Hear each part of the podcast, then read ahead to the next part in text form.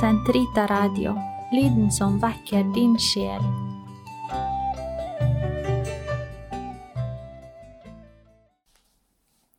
Den katolske kirkes katekisme, uke 6, onsdag, paragraf 1127 til 1134.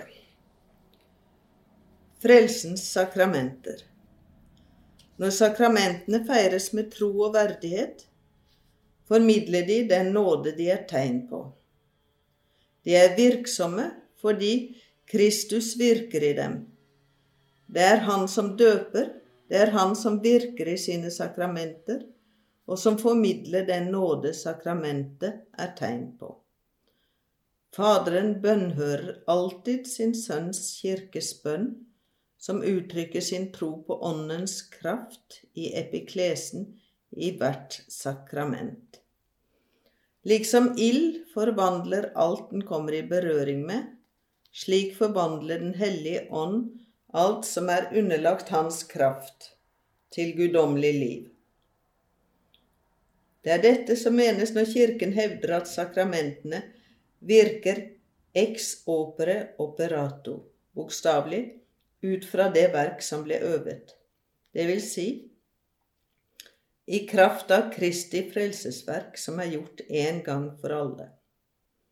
Av dette følger det at sakramentet utvirkes ikke ved det, det menneskets rettferdighet som gir eller tar imot det, men ved Guds kraft.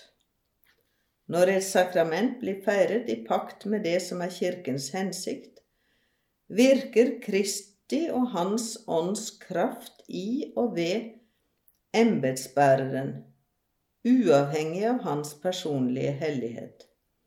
Fruktene av sakramentene avhenger imidlertid også av mottagerens holdning og sinnelag. Kirken sier at for de troende er den nye pakts sakramenter nødvendige for frelsen. Den sakramentale nåde er Den hellige ånds nåde som Kristus gir, og som er særegen for hvert sakrament. Ånden helbreder og omskaper dem som tar imot ham, ved å likedanne dem med Guds sønn. Frukten av det sakramentale liv er at barnekårets ånd guddommeliggjør de troende ved å gi dem livsfellesskap med den enbårne sønn, med Frelseren. Det evige livs sakramenter. Kirken feirer sin Herres mysterium inntil Han kommer, og Gud blir alt i alle. Allerede i apostolisk tid trekkes liturgien mot målet ved åndens sukk i kirken, Maranata. Liturgien deler Jesu lengsel. Inderlig har jeg lengtet etter å feire denne påske med dere, inntil den er fullkommen i Guds rike.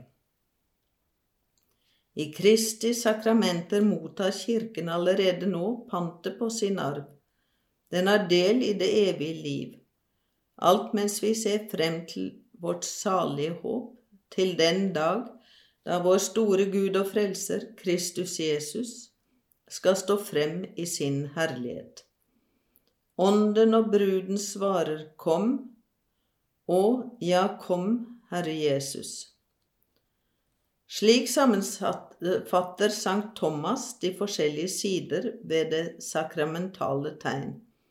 Sakramentet er et tegn som ihukommer det som er gått forut, det vil si Kristi lidelse, som gir til kjenne det Kristi lidelse virker i oss, det vil si nåden, som forutser, jeg mener som varsler om, den kommende herlighet.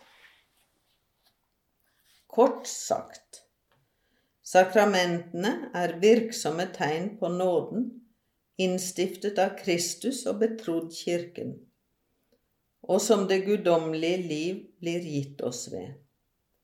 De synlige riter sakramentene feires ved, betegner og utvirker de nådegaver som er særegne for hvert sakrament.